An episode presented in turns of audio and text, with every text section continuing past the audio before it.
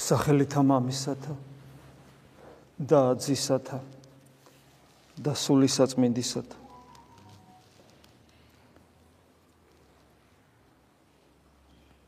ჩვენ როდესაც ვამბობთ და საკმაოდ ხშირად ვამბობთ და ხშირად ხებით ამ თემას რომ სულიერ ცხოვრებაში გამოკვეთილად არსებობს გარკვეული შეცდომები რომელიც ჩვენ 70 წლიან უღმრთობაში გამოვლილი ადამიანების შვილებს, ვინც გამოვიარეთ ეს და ჩვენ შვილებს, ვისაც ეს მემკვიდრეობა აქვს. და ეს იმიტომ ხდება, რომ მოწყვეტილი ვართ ცოცხალ ტრადიციას, აქცენტირებას ვაკეთებთ ხოლმე ამ შეცდომებზე, რა თქმა უნდა, ამას ჩვენ ტყუილუბრალოდ არ ვაკეთებთ.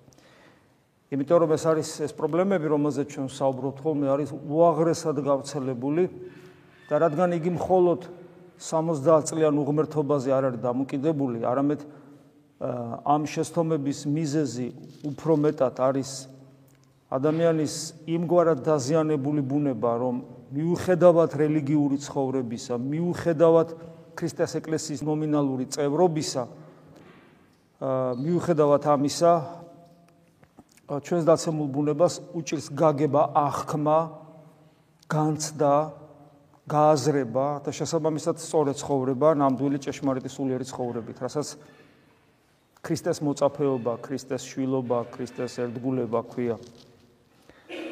დამას ვაწყდებით ძალიან ხშირად. როდესაც მაგალითად ადამიანები აქცენტს აკეთებენ ცოდვებთან და ბნებებთან ბრძოლას. ებრძვიან, ხედავენ მადლობა ღმერთს, ხედავენ საკუთარ თავში ჩაბუდებულ აი ამ აა ჯოჯოხეთურ სიბნელეს, რომელიც თან მოყვება ადამიანს როგორც მემკვიდრეს ადამიანისა. ანუ ადამა როგორც გითხარით თავისი თავისუფლება დაუქვემდება რა ქმნილ სტიქიებს და მოინდომა რა ღმერთობა ناقოფის შეჭმით და დემონურ ძალებს რამე თუ მისინება, ეშმაკისნება აღასრულა. შესაბამისად ღვთის ღვთისადმი განშორებულობა და ღმერთთან ყოფნის შეუძლებლობა ადამიანური ბუნების განუყრელი ნაწილი გახდა. შესაბამისად ადამიანი გონიერი თუ არის, ცოტათი მაინც გონიერი, მას ბევრი ძალიან ცეთი ღრმა სულიერება არ სჭირდება, ხედავს თავის უკეთურებებს და შესაბამისად ის ადამიანების კი ის კულტურები, რომლებიც რელიგიებს ქმნიდნენ გამოცხადების გარეშე, ისინიც კი ხვდებოდნენ, რომ აი მანკიერებებს თუ არ ვებრძოლეთ, ადამიანი განწირულია ტანჯვისათვის. ვთქვათ, ბუდიზმი სწორედ ამგვარად არსებობს. მაგრამ როდესაც ქრისტიანობაში აქცენტი კეთდება ამაზე, ანუ ცოდვებთან ბრძოლაზე, ეს უკვე სერიოზული შეცდომაა. იმიტომ რომ რაღაც საშუალებებს მივმართოთ სიბნელეში, რომ სიბნელეს ვებრძოლოთ, არაფერი არ გამოვა. სიბნელესთან ბრძოლის ერთადერთი საშუალება არის სანთლის ანთება. სანთლის შემთხვევით არ მოყავს პეტრე მოციქულის ეპისტოლეს მიხედვით საუბრობთ, ხო, როცა ის ამბობს, რომ ქრისტესადმი რწმენა ჩვენში ანთებული სანთელია. თუ სანთელი არ ანთე, ანუ თუ სინათლე არ გექნა, სიბნელეს ვერაფერს ვერ უზავ. ადამიანები, რომლებიც ცდილობენ სანთლის გარეშე სიბნელესთან ბრძოლას, როგორც წესი, მათი სულიერი ცხოვრება განწირულია. განწირულია იმისათვის, რომ ისინი ღმერთს ვერ იპოვიო. და სანთელი, რომელიც უნდა ავანთოთ, ის მერე მზეთ უნდა გადაიქცეს, ისო პეტრე მოციქული გვეუბნება. ამიტომ სულიერ ცხოვრებაში აქცენტი კეთდება ღმერთზე და არაცოდვებზე. და უფალზე გაკეთებული აქცენტი ბუნებრივად აკეთებს იმას, რომ მე ცოდვასთანაც ვიბრძვი. ანუ ეს არის თამდევი. უბრალოდ აქცენტი უნდა იქნას სწორად დასმული. და ეს აქცენტი არ არის დასმული, როცა სანთლის ანთებას ან მანათობელ სანთლს არ ვეძებ, მაშინ რა თქმა უნდა ადამიანის სულიერი ცხოვრება ქრისტიანობა აღარ არის. ან მაგალითად მეორე შემთხვევა, როდესაც ადამიანი ცდილობს რომ შრალი თეოლოგიით მოახერხოს გახდეს ქრისტიანი თეოლოგიური განათლებით აქაც იგივე ის როგორც ცოდობთან და ვნებებთან ბრძოლა აუცილებელია, მაგრამ აქცენტი მასზე არ კეთდება, ზუსტად აქაც ესევე. თეოლოგიური განათლება რო აუცილებელია, იქიდანაც ჩანს, რომ ადამიანის მონათლა არ შეიძლება თუ მომწამსი არ იცის. არ გულისხმობს ეპირად წარმოთქმას არ რაღაც წაკითხვით, არამედ არსობრივად თუ არ იცის მწამსი, რომელსაც ჩვენ ყოველწილვაზე ვისმენთ, თუ არსობრივად მწამსი არ იცის, ადამიანის მონათლა არ შეიძლება. როგორ ვაშავებთ, აი სულ აი ახლა ამასინათაც მოვიდა ერთი ადამიანი ჩემთან, როგორ მონათლეს მისი უცხოელი ქმარი ერთ-ერთ ტაძარში იმისათვის რომ ჯვარი დაეწერათ. ადამიანი მონათლეს რომელსაც არანერი მზაობა ამ ეტაპზე ყოველ შემთხვევაში არ აქვს სულიერი ცხოვრებისა და მონათლეს და არც არაფერი, არაფერი არ შესულა მის ცხოვრებაში, რა მანკიერებებიც ქონა, იგივე მანკიერებები დარჩა, ეს მანკიერებები ხელს უშლით, რომ ისინი თქვა დაქორწინდნენ ბოლომდე და ასე შემდეგ, მაგრამ თავარი ეს არ არის, თავარი დამოკიდებულება ჩვენი სასულიერო პირების. როგორ შეიძლება არ გაუფრთხილდეთ იმ სიწმინდეს, რომელიც ღმერთმა ჩაგვაბარა? როგორ შეიძლება ადამიანებს აღთქმა დავადებინოთ ისე, რომ წარმოდგენა არ ქონდეთ რა აღთქმას როგორ შეიძლება ადამიანმა მიიღოს მონაწილეობა ერთ საიდუმლოებაში, რომელიც არის საძირკველი საიდუმლოებებისა, ხო, მასე აშენათლობაზე აშენებული ყველაფერი, იმისათვის კი არა რომ ის ქრისტიანი იყოს, არამედ იმისათვის რომ მეორე საიდუმლოებაში მონაწილეობა მიიღოს და ერთის და მეორის პროფანირებაც ხდება. ხო და აი თეოლოგია, თეოლოგიური ცოდნა, თეორიული ცოდნა. არის აუცილებელი, მაგრამ როდესაც აქცენტი სწორედ მასზე კეთდება, ხებულობთ, რა ვიცი, ეს არის წყარო ფარისეულობისა მეტი არაფერი. იმიტომ რომ რას ნიშნავს თეოლოგია? გახსოვს წმინდა მამები როგორ საუბრობენ? თეოლოგია ის არის, ვინც ლოცულობს და ვინც ლოცულობს ის არის თეოლოგია. ანუ თეოლოგია პრაქტიკული მეცნიერებაა, რომელიც ღმერთთან ცოცხალ ურთიერთობას გულისხმობს. მე წავიკითხე დოგმატი ყოვლადწმინდა სამების შესახებ. რა, დავინახე ღმერთი?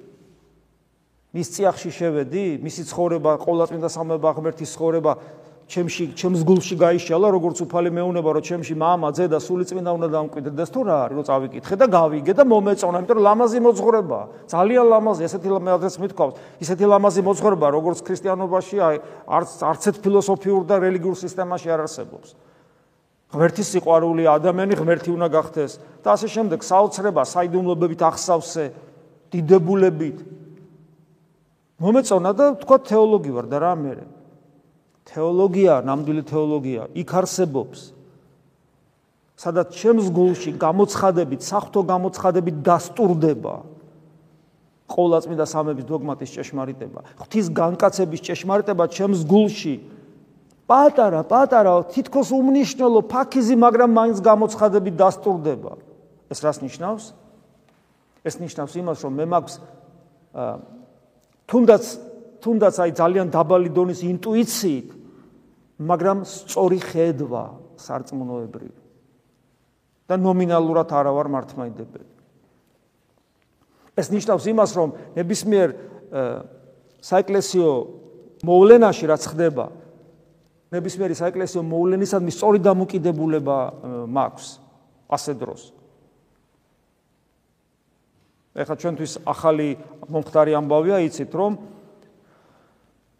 ათონის თის ერთ-ერთი დიდი მონასტრის არქიმანდრიტი იყო ჩამოსული. ამა ეფრემს გულისხმო. მისდამი დამოკიდებულება მრავალნაირი იყო, რასაც ჩვენ თვალწინ ახე უყურებდით და ვხედავდით. მე მეწინასწარ მინდა ვთქვა, რომ ის არის იგი არის ტრადიციის სოციალური გამგრძელებელი, ჩვენ რო წმინდა თაცხოვრებას ვკითხულობთ და აღფრთოვანებული ვარ თუნდაც მამაპაისი ან ეფრემ კატონაკელი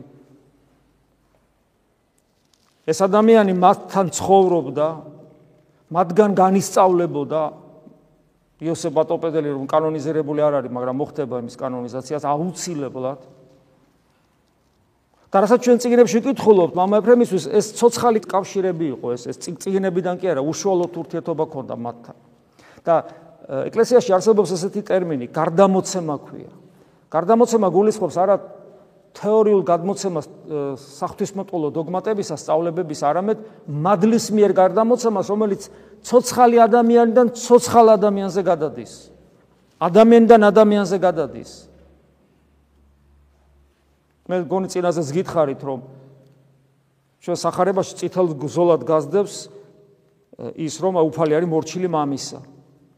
მორჩილი სულიწმინდა ღმერთისა, სულიწმინდა მორჩილია ძისა, მამისა. აი ეს ურთიერთმორჩილება ყოვლადწმინდა სამების პირებს შორის წითელ ზოლად გაზდევს სახარებას და ამით უფალი გვასწავლის, რომ თავად ღმერთიც კი, რომლის ნება, რომლის სიმართლე, რომლის ბუნება საერთოა მამასთან, მამის კურთხევის გარეშე თითქოს ნაბიჯს არ დგავს და არაფერს არ ამბობს, გარდა იმისა, რასაც მამა ებუნება.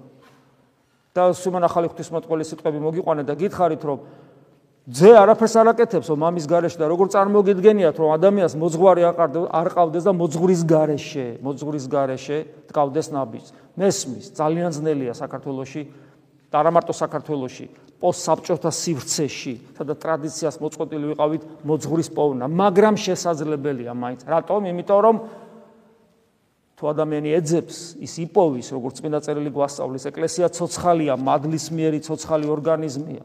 დღეს მით უმეტეს კავშირები ღიაა და სავსეა, სადაც გინდა წადი და იპოვე.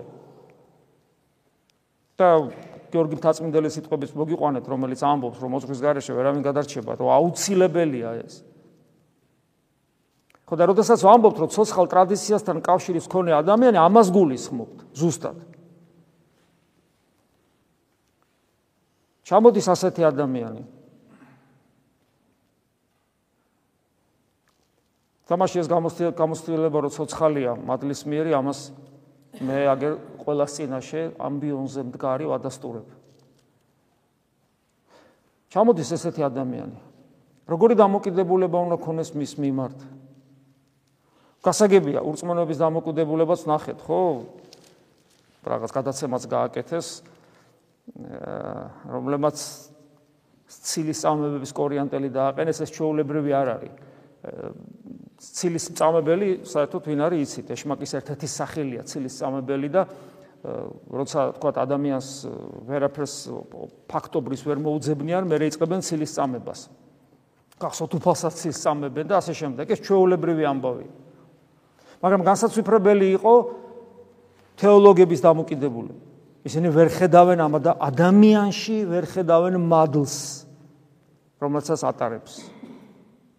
მაგრამ ამავე დროს ძალიან საწყენ იყო იმ ადამიანების დამოკიდებულება, რომლებიც თითქოს პრაქტიკულ სულიერ ცხოვრებას ეწევიან და დამოკიდებულება ქონდათ ესეთი ამ ადამიანის მიმართ, რომ რაღაც აი უკაცრავად სლენგისათვის ბრენდი როა რაღაც რა, აი რაღაცა ბრენდი. ან ან რაღაცა მკითხავი როა და ეკითხები თქვა, აბა ხვალ როგორ იქნება და რანერად იქნება და მე რა მომივა და ასე შემდეგ. გასაგებია რომ წინასასწრობელობის ნიჭებს ავლენს ეს ადამიანი, მაგრამ დამოკიდებულება როგორც მკითხავის მიმართ რო გააქვს, აბა მე რას მეტყვის? ან თქვა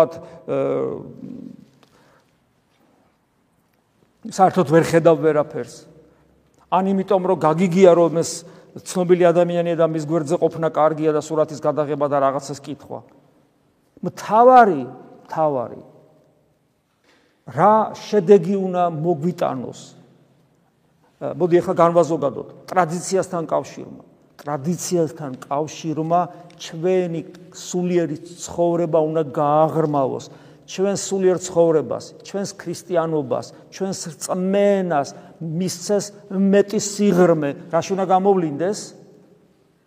ლოცვის კიდევ უფრო ჩაღმავებაში საკუთარ გულში. კიდევ უფრო გაცოცხლებაში ლოცვის სიტყვებისა. კიდევ უფრო მეტად გაცოცხლებაში რწმენისა. კიდევ უფრო მეტად ანთებისა იმ სანთლისა, რომელიც ჩვენს გულში უნდა ენთოს უკვე წესი. კიდევ უფრო მეტად მადლიერების ახთვის წინაშე. კიდევ უფრო გულმხურვალე სარწმუნოებისა. კიდევ უფრო მეტად სიყვარულისა და ნდობისა ეკლესიისადმი. ეკლესიისადმი როგორც მისტიკური შეეულისადმი. კიდევ უფრო მეტი სიყვარული წმინდა წერილისა და წმინდა მამებისა. კიდევ უფრო მეტი ფაქიზი დამოკიდებულება ყოველი ადამიანის მიმართ სიმდაბლისა და მორჩილების სათნოების კიდევ უფრო მეტი გამოვლინება. თუ ამაში არ გამოვლინდა, მაშინ ამაო არ არანაირი მნიშვნელობა არ აქვს ვინ ჩამოვა, რა ჩამოვა, რა ტრადიციას თან კავშირი გექნება, წმინდანე გამოგეცხადება, უფალთან იქნები უშუალოდ, არანაირი მნიშვნელობა არ აქვს თუ სიღრმე არ მიეცა ჩვენ სარწმუნოებას. იმიტომ რომ, იმიტომ რომ აი ამ სარწმუნოებრივი სიღრმის გარეშე, რომელიც ჩვენ შიგნით ღმერთთან ჩვენ შიგნით ღმერთთან კავშირს და ჩვენ საკუთარ თავში ღმერთთან შეხვედრას გულისხმობს და დავაკონკრეტოთ, ქრისტეს ღმერთობის მცნობელობას გულისხმობს, რომ ქრისტეს ღმერთობასო ცნობ. ამას აქვს ეს არის მთავარი, ეს არის გადამწყვეტი. და აი, როცა ჩვენ сахарებას გკითხულობთ, ჩვენ ხო сахарება არ უნდა წავიკითხოთ, ხო, როგორც რაღაც ისტორიული რაღაც დოკუმენტი. სადაც ფაქტობრივად გვწამს, რომ სწორად არის ყველაფერი გადმოცემული, მაგრამ ეს ხო არ არის, ის ხო ჩვენ უნდა გავითავისოთ დღევანდელ დღეს გადმოვიტანოთ, ჩემთვის უნდა იყოს ეს ყველაფერი გაცოცხლებული და ჩემი ჩემი გულში უნდა ცვლილებები მოახდინოს. დაბანახოთ, აი დღევანდელი სახარების ეულის სიუჟეტი როგორია? წარმოედგინეთ უფალი ბეთლემში დაბადებული, მაგრამ უკვე რას დაბრუნდნენ იქიდან ეგვიპტიდან, იმის მერე ნაზარეთში ცხოვრობს და იქ აღზრდილი და წარმოედგინე პატარა სოფელი თა როგორი ნაზარეთი როგორი იყო? აი ნაზარეთში რა სიკეთე უნდა იყოს? ეს იყო მტრიანი გაუბედურებული უღარიბესი ესე იგი ყოველგვარ ცივილიზაციას და თანამედროვე იმ დროინდის თანამედროვე კულტურას მოცილებული რაღაცა აი სოფელი რა. რაღაც კინოებშიც მეტაკლებად აღდგენილია ხოლმე რა მტრიანი რაღაცა ესეთი. აი იქ იქ არის უფალი აღზრდილი ყოველას თვალწინ ხდება 30 წლის და ეხმარება გამზდელს იოსებს. ხელოსნობენ. ხდება 30 წლის და ის პერიოდულად ხო წესი იყო ყოველ ტრადიციას ყველაფერს ასრულებდა შაბათობით სინაგოგაში დადიან და 30 წლის გახდა და შევიდა სინაგოგაში. 30 წლის რო გახდა. მანამდე შედიოდა. გახდა 30-ის ისევ შევიდა და რო შევიდა, მას როგორც დასრულ ადამიანს მისცეს წაკითხვის უფლება. და იცით, გახსოვთ ეს ავიკითხეთ ეს ადგილი, იგი კითხულობს ასეა წინასწარმეტყველის იმ სიტყვებს, რომელიც ებრაელებმა ძალიან კარგად იცოდნენ ეს რას ნიშნავდა. ეს სიტყვები ეკუთვნოდა მომავალ ქრისტეს. ქრისტე რომელიც უნდა მოსულიყო, იმას ეკუთვნოდა ეგ სიტყვები. ჩვენ ვიცით ასეა წინასწარმეტყველის წიგში უამრავი საოცარი რაღაცები არის, მაგალითად 53 თავში, რომელსაც უფალი ახლა არ კითხულობს. იმიტომ რომ ის რო წაეკითხა, საერთოდ დაიბნეოდნენ, საერთოდ ვერაფერს ვერ გაიგებდნენ. და კითხულობს აი კიდევ ერთხელ წავიკითხავ ამ სიტყვებს. აღდგა კითხვად, განყო ციგნი, პოვა ადგილი, ანუ მიზანმიმართულად ის ადგილი აიღო, რომელიც უნდა წაეკითხა და ასეთი სიტყვებია: სული უფლისა ჩემზე და რომლისათვისაც მცხომე מחარებლად გლახაკთა. ანუ ღვთის სულია ჩემზე ამბობს, მაგრამ ეს წერია იქ, ესაა წინასწარმეტყველში, რომელიც სიტყვებიც ეკუთვნის მომავალ ქრისტეს. ასე წამთ იუდეველებს. კითხულობს ეს და მცხო ნიშნავს, ესე იგი მადლმოსილია, מחარებლად გлахაკთა, ეს ნიშნავს სულიერი გაგებით, არა ფიზიკურად გлахაკი, არამედ ნეტარ იყვნენ გлахაკნის სულით, რამე თუ მათი არსასუფეველიც ათვონ ადამიანი, რომელიც აცნობიერებს, რომ იღუპება მხსნელის გარეშე, ამას ნიშნავს გлахაკი. მომავლინამე განკურნება შემოსრულთა გულით, ანუ კურნავს ჩემს დაცემულ ადამიანურ ბუნებას, თუ მაქვს შემოსრული გული, გული შემოსული და დამდაბოლებული ღმერთთან არა შეურაცხოს, ანუ თუ მონანული გული მაქვს, ანუ ყველანი დაზიანებულები ვართ, ანუ ყველანი ავად ვართ ჩვენ დაცემული ბუნებიდან გამომდინარე, მაგრამ ზოგი აცნობიერებს ამას, ზოგი არაცნობიერებს. ზოგს ეხუთება სული თავის დაზიანებულ ბუნებაში, ეგოიზმით, პატიმოყარეობით, თავისუფლება წართმეულ ადამიანურ ბუნებაში, ზოგს სული ეხუთება, ზოგს არ ეხუთება სული და კარგად გზნობს. მაგალითად, ლუარს თათქარიძე როგორც ხშირად მომყავს ხოლმე, კარგად გზნობს თავს თავის ბუნებაში. ადამიანს ასეც სული უნდა ეხუთებოდეს. ხო და ვისაც სული ეხუთება, მას გული შემოსრული აქვს, იმიტომ რომ ეს არ მოსწონს და იტანჯება. ასეთი ადამიანები განსაკურნებლად არა ყველასი. ქადაგება წვეთა განტავებისა. წვენი ვართ ამ სამყაროში გითხარით. იმ ოთხი განზომილების დრო და სამი განზომილება სივრცისა. სტიქიები, რომელიც ჩვენზე ბატონობენ, დროის, სივრცის, მატერიის ბიოლოგიური არსებობის სტიქიები, პლუს დემონური ნების სტიქიები, ეგოიზმი, ანგარება, შური, ყველაფერი, ამ ყველაფრის მონა ადამიან ჩვენ ტყვენი ვართ. გახსოვთ უფალი ეუნება ფარისევლებს, თქვენ ხართ მონები ეუნება. როგორ ვართ მონებიო, ჩვენო ა ブラ ამის შვილები ვართო. არ არესმით რას ნიშნავს ეს მონობა? უფალი განუმარტავს ცოდვის მონებს, მაგრამ მათ არესმით. და აი, ვისაც ესმის, აი ამ გვარი წვეების განტევება ბრმათა ახილვად ადამიანი ვერ ხედავს ვერაფერს იმიტომ რომ ცხოველის თვალებით იყურება. ხოლო თუ ადამიანი ამ ამ დროს პარალელურად ამბობს რომ მე ვხედავ აი გახსოვთ უფალიანობა ფარისევლებს თქვენი პრობლემა სწორედ იმაშია რომ თქვენ ამბობთ რომ ხედავთ და პასუხს აგებთ. მაგრამ თუ ადამიანი იტყვის რომ მე ვერ ხედავ ბრმა ვარ მას აქვს შესაძლებლობა განკურნებისა და თუ ბრმა არის უფალი მას აღუხილავს თვალს. და ასე შემდეგ. ანუ და ეხლა ეს წელიწადი უფლისა ეს წელიწადი უფლისა შეწყნარებული ანუ ის წელიწადი დგება როდესაც ის დრო დგება ანუ წელიწადი ამ ამ შემთხვევაში არა კალენდარის თვალსაზრისით არამედ ის დრო დგება როდესაც როდესაც უფალი მოდის უფლისაგან შეწყნარებული დრო ხდება და როდესაც ეს კითხვა დაამთავრა დაჯდა და ყველანი მას ხედვიდეს და იწყო მათ და სიტყვათ დღეს აღესრულა წერილი ესე ყურთა მომარ თქვენთან.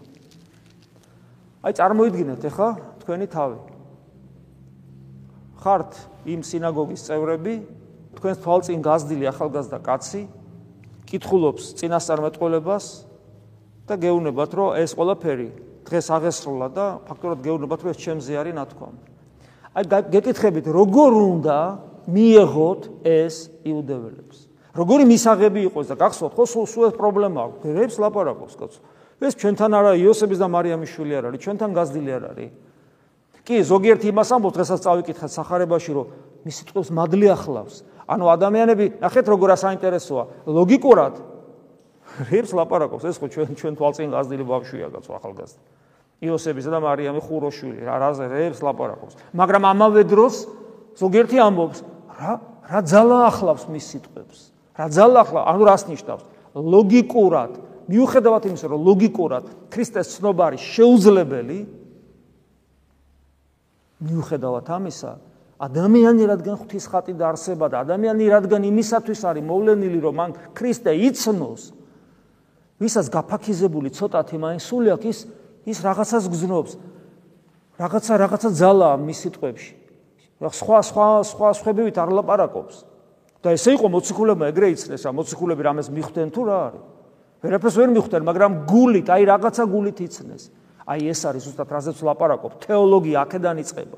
თეოლოგია აქედან კი არის იწყება რა ღმერთი ყოვლადწმინდა სამება ყოფილა ღმერთი სიყვარულია ღმერთი ადამიანად მოვიდა და ამ კულტურის ნაწილი ვარ და მომწ ეგ არ არის თეოლოგია. თეოლოგია მიწყება მაშინ როცა ადამიანი გრძნობს რომ იესო ქრისტე არის ღმერთი. ოღონ ამის ჯერ ფორმულირება არ აქვს თავში, მაგრამ გულით გზნობს, აქ რაღაცა რაღაცა დიდებული ხდება, აქედან იწყება თეოლოგია. და ეს თუ არ ხდება, ეფრემს კი არა, ვერავის ვერ ცნობს ადამიანს. აბა წმინდანებს როგორ ცნობენ? იმიტომ რომ გარდაცვლილები არიან. გარდაცვლილები არიან. არ გახსოვთ იოსების სიკასზე, როცა ჩვენ იოსების სიკასის შესახებ რამდენ საუბრობდით, რა ამბავი ქონდა? განგვიკითხავდნენ, ესე იგი დაგცინოდნენ ზუგს უკან ძირითადად ესე იყო. მაგრამ როგორც კი კანონიზაცია მოხდა, გაჩუმდნენ. და ცოცხალი ყოფილიყო გადაგვივლიდან საერთოდ. ესე იგი ვიღაცა იოს სილონათონაზე გაიხსენეთ. რა რა რას რას მიდიან მასთან რა უნდათო? თვითონ მონასტრის საზმოს წევრები არაფერად არ აგდებდნენ. ამხელა წმინდას მე-20 საუკუნისას არაფათ არ აგდებდნენ. ოქროპრის რა უქნეს? გარდაცვლილი კი ბატონო, ადამიანი რო გარდაიცვლება, მე შეიძლება ვაღიარო. ცოცხალი არავითარ შემთხვევაში. რატო ვერ ვხედავთ? სწორედ იმიტომ რომ ჩვენი თეოლოგია არის მკვდარი. და თეოლოგია იწება იქ, სადაც შენ გაქვს ინტუიცია ღმერთის შეცნობისა და გაგებისა. სადაც ლოგიკა გეწინააღმდეგა, ანუ ლოგიკის წინააღმდეგ რომ მიდის, მთელი შენი არსება. და მე ლოგიკა რო ხდება მსახური შენ შიგნით არსებული ინტუიციის. რა თქმა უნდა ძალიან ძალიან სახიფათო გზა. რა თქმა უნდა, აქედან არსებობს უამრავი ცრუ რელიგიები, რა თქმა უნდა, მაგრამ მეორე ხური ღმერთის ხორცილი თვალები დანახვა შეუძლებელი. და აი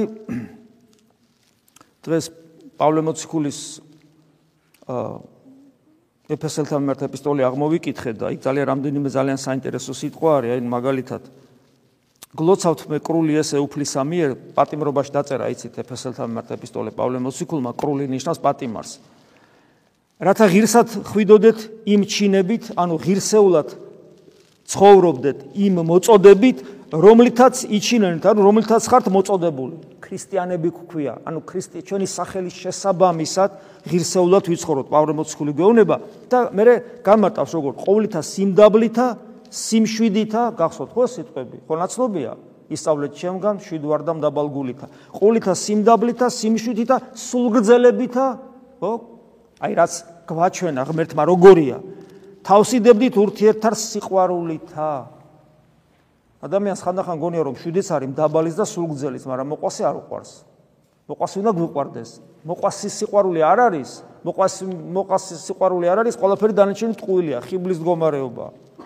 ანუ იმისათვის რომ მე ჩემმა გულმა და სულმა იგზნოს იესო ქრისტეს ღმერთობა იგრძნოს, რომ ეზიარებები იგრძნო, იესოს სახელს რომ ახსენებ იგრძნო, რომ სახარებას ვკითხულობ ვიგრძნო, რომ მასზე რომ ვფიქრობ, წირვაზე წირვაზე რომ დგები და მისი სახელი მესმის, ჩემმა შინაგანმა სამყარომ იგრძნოს ღმერთი, იესო ქრისტეს ღმერთობა იგრძნოს, განვიცადო.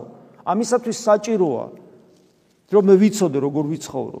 იმ ღირსების შესაბამისად ცხოვრობდეთ, ისვისაც მოწოდებული ვართ, ქვია ქრისტიანები და რა მაგალითის ქრისტე მოგცა იმის შესაბამისად ვიცხოვროთ. სიმდაბლით სიმშვიდით სუგზელებით რომელიც ვლინდება სიყვარულში. ივიწინეთ ყოველნი ერთობასა სარწმუნოებისასა მაგრამ ეს არის გზა.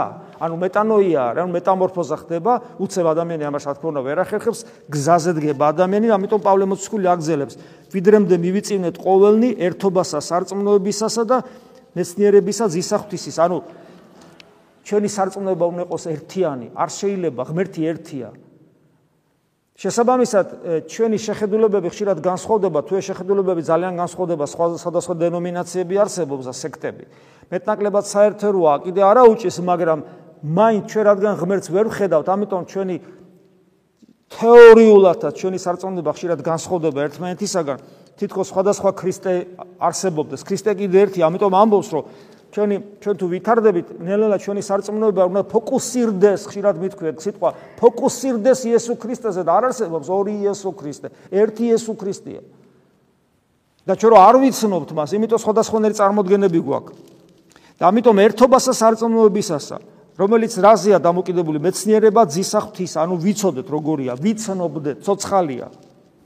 მამაკაცაც სრულად, ანუ მამა ამ შემთხვევაში ადამიანად იგულისხმება იესო ქრისტემ კაცის ბუნება მიიღო, მაგრამ კაცში ამ შემთხვევაში ადამიანი, ადამიანს სრულყოფილი ადამიანი იგულისხმება საზომად ასაკისა, სავსებისა მის ქრისტესის. ანუ ქრისტე გვაძლევს ორიენტირს, ეტალონს, როგორი უნდა იყოს ადამიანი. ანუ ჩვენი განვითარება უნდა მიდიოდეს იქითკენ, რომ ჩვენ ქრისტეს მივბაძოთ და მივემსგავსოთ. ასე უნდა ვაკეთებდეთ. სხვანაირად სხვანაირად. რა შედეგი იქნება თუ ასე ესე არ ვითარდება და ამბობს პავლე მოციქული რათა არღარა ვიყვნეთ ყრმა ჩვილ ღელვა ატეხილ და მიმოტაცებულ ყოველს ამას ქარსა მოძღრებისა სივერაგითა კაცთათა და ზაკულებითა მანქანებისა მის მიმართ სასტურებისა. ანუ თუ ესე არ ვიქნებით იქ პატარა ბავშვებივით რომელსაც ყველაფერი ატყილებს ატყილებს ეს ადამიანთა სივერაგიდან და ბოროტის ეშმაკიდან ეშმაკის ზაპრობიდან გამომდინარე სხვადასხვა მოძღვრებები. და ეს აუცილებელი არ არის სექტაში გაწევრიანდა. აუცილებელი არ არის, უბრალოდ ადამიანის შემცდარია სულიერ ცხოვრებაში. და ამიტომაც არის ხოლმე რომ ჩვენ ძალიან გვიჭირს ძალიან ორ ადამიანს უჭირს. ერთი ერთი სარწმუნოება არ აქვს. სხვადასხვა სამრევლოებში ერთიანობა არ არის. სხვადასხვა ეკლესიებში შორის ერთიანობა არ არის.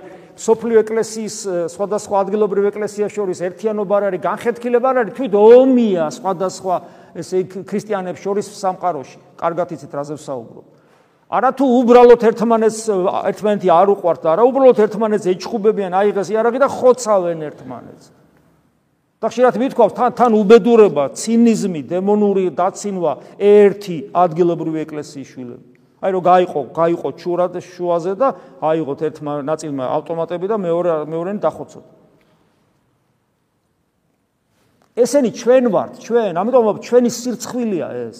აი რა პავლე მოციქული ასეთ საუბრობს, ეს რო არ ხდება, აი ეს რო არ ხდება, სიმშვიდე, სიმდაბლე, სულგზელება, ერთმანეთსადმი სიყვარული, ქრისტესადმი მიბაზვა, მიმსგავსება, ეს რო არ ხდება, აი ამ კულმინაციამდე მივიდა. ერთმანეთს ხოცავენ. ჩვენ შეიძლება ერთმანეთს არ ხოცავთ, მაგრამ ჩვენ ხო ვიცით რომ ვინც განურისხდეს ძმას ცუდად ღირსია გენისა უფალი ამბობს. ადამიანის მოკლა მარტო ავტომატით ხარ შეიძლება სხვანაირადაც შეიძლება. ამიტომ ეს გავითვალისწინოთ. და ის რატო გვატყვილებს ეშმაკი რას ნიშნავს? გვატყვილებს ჩემი სიმართლით ვიწყებ ცხოვრებას. ჩემი ნება მაგ და არა ღვთის და თუ ჩემი სიმართლე და ჩემი ნებით ცხოვრობ დამერწმუნე რომ ყველაფერი ტყუილია რასაც ვაკეთებ იმიტომ რომ ჩემი ნება არის უკეთური, უკეთური ნება მაქვს მე როგორც ადამიანს. ადამიანს არ შეიძლება კეთილი ნება ქონდეს. შეუძლებელია ეს, იმიტომ რომ ჩვენი ნება, ჩვენი ბუნების განუყოფელი ნაწილია და ჩვენი ნება, ჩვენი ბუნების განუყოფელი ნაწილი არის და ჩვენი ბუნება დაზიანებულია. ჩვენი ნება დაზიანებულია შესაბამისად, იმიტომ რომ კიდევ ვიმეორებ, დავემონეთ სამყაროს სტიქიებს და ეშმაკის უკეთურ ნებას.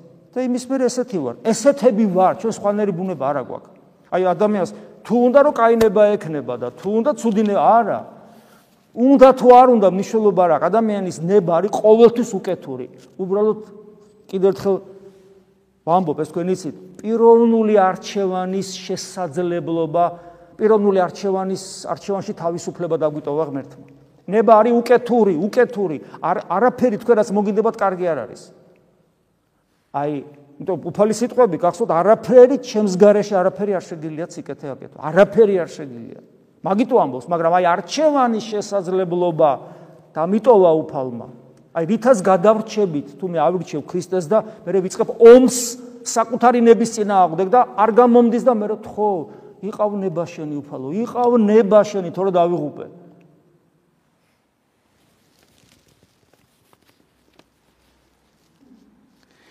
ჩვენი აღორძინება განსრულდება და ამ ყველაფრის ამ ერთობის თავი ქრისტე ამბობს პავლე მოციქული. და შემდეგ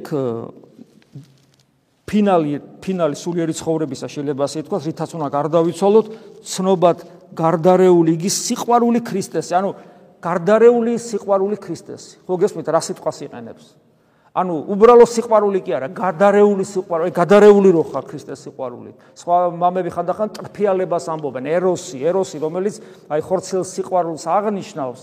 ტრფიალებას მაგას ნიშნავს, მაგრამ ეს სიტყვა გამოიყენეს, თითქოს ეს არაჯანსაღი სიყვარული სიტყვა გამოიყენეს იმისათვის, რომ გამოეხატათ უბრალო სიყვარული კი არა, ტრფიალება, გადარეული სიყვარული. ქრისტესი, აი პავლე მოციქულს როგორი ექსპრესიული ენა აქვს. რატო აქვს ახლა ესეთი ენა? როგორმე გაგვაგებინოს, როგორ უნდა გვიყვარდეს უფალი. და არა ისე დუნეთ, სანახევროთ, აი დღეს გითხარით, ხო? ადამიანი უნდა იყოს ან გულმხურვალე, ცხელი. უფალი ამბობს აპოკალიფში. ან ცივი, რატომ? იმიტომ გულ ცხელსაც და ცივს პოზიცია აქვს. პავლე მოციქული იყო ცივი ქრისტეს მიმართ. და მე გაცხელდა. ხოლო აი ნელთბილი არის კატასტროფა, იმიტომ რომ ნელთბილის პოზიცია საერთოდ არ აქვს. ადამიანი რომელსაც პოზიცია არ აქვს. ამაზე საშინელება არაფერი არ არის. სულიერი ცხოვრება ასეთი ადამიანისათვის არის შეუძლებელი და ხოლო თუ თქვენში არის ვინმე ისეთი, რომელსაც პოზიციის პრობლემა აქვს საერთო ცხოვრებაში, იგივე პრობლემა ექნება სულიერ ცხოვრებაში. ეს ძალიან საშიში მდგომარეობა, შეიძლება იყოს ძალიან რელიგიური, შეიძლება აღსარებელი, მაზიარებელი, მოწესრიგებული პროფესიით, შეიძლება თქვა და ეს საბავშვო ბაღის მასწავლებელი რაღაც ესეთი რა, ძალიან ჰუმანური პროფესიის რაღაც ესეთია. ჭიანჭველას ფეხს არ დააბიჯებ, მაგრამ თუ პოზიცია არ აქვს ცხოვრებაში ვერ იქნები ქრისტიანი. იქნები კარგი ბოჩოლა, მაგრამ ქრისტიანი ვერ იქნები. პოზიცია. გულმხურვალება, ცეცხლი უნდა იყოს ადამიანი, ამიტომ ამბობს პავლე მოსული, გარდარეული სიყვარული ქრისტესი. რატომ? რათა აღივსნეს თქვენ ყოვლითა სავსებით ღვთისად. ყოვლითა სავსებით, ყოვლითა. ნახე, აქაც ექსპრესია არის. ყოვლითა, რატო ყოვლითა? იმიტომ რომ რაღაც სანახევროდ კი არ უნდა აღივსო. ყოვლით, ანუ ღმერთი უნდა გახდე. ამაზე საუბრობს პავლე მოსული. და ბოლოს რაც პრაქტიკულ სულიერ ცხოვრებაზე მიგვანიშნებს მოგცეს თქვენ უფალმა უფალმა სიმდიდრისა დიდებისა მისისა რა სიმდიდრე და დიდება აქვს აი იმის შესაბამისად მოგცეთ გულოცავს ჩვენ პავლე მოციქული. ძალითა გამტკიცებად სულისა მიერ სულიწმინდის მიერ ანუ მადლის მიერ გამტკიცებულად გამტკიცებული რო ვიყოთ ჩვენ ნახეთ შინაგანსა კაცსა შინაგან კაცზე საუბრობს დამკვიდრებად ქრისტეს სარწმუნოებითა გულთა შინა თქვენთა ახეთ როგორ პირდაპირ სად გვიჩვენას მისამართი მოგცა ფაქტობრივად. ეს ყველაფერაზე ვსაუბრობ, სად უნდა ხდებოდეს? ჩვენს გულში, ჩვენ შიგნით, შინაგან კაცში, როგორც გრიგოპალამა ამბობს, გული, გული და კიდევ უფრო მისი შიგამხარე. და ეს რა ხდება ში ქრისტე დამკვიდრებად, სარწმუნოებით ქრისტეს დამკვიდრება უნდა მოხდეს ჩვენს გულში. აი ეს არის.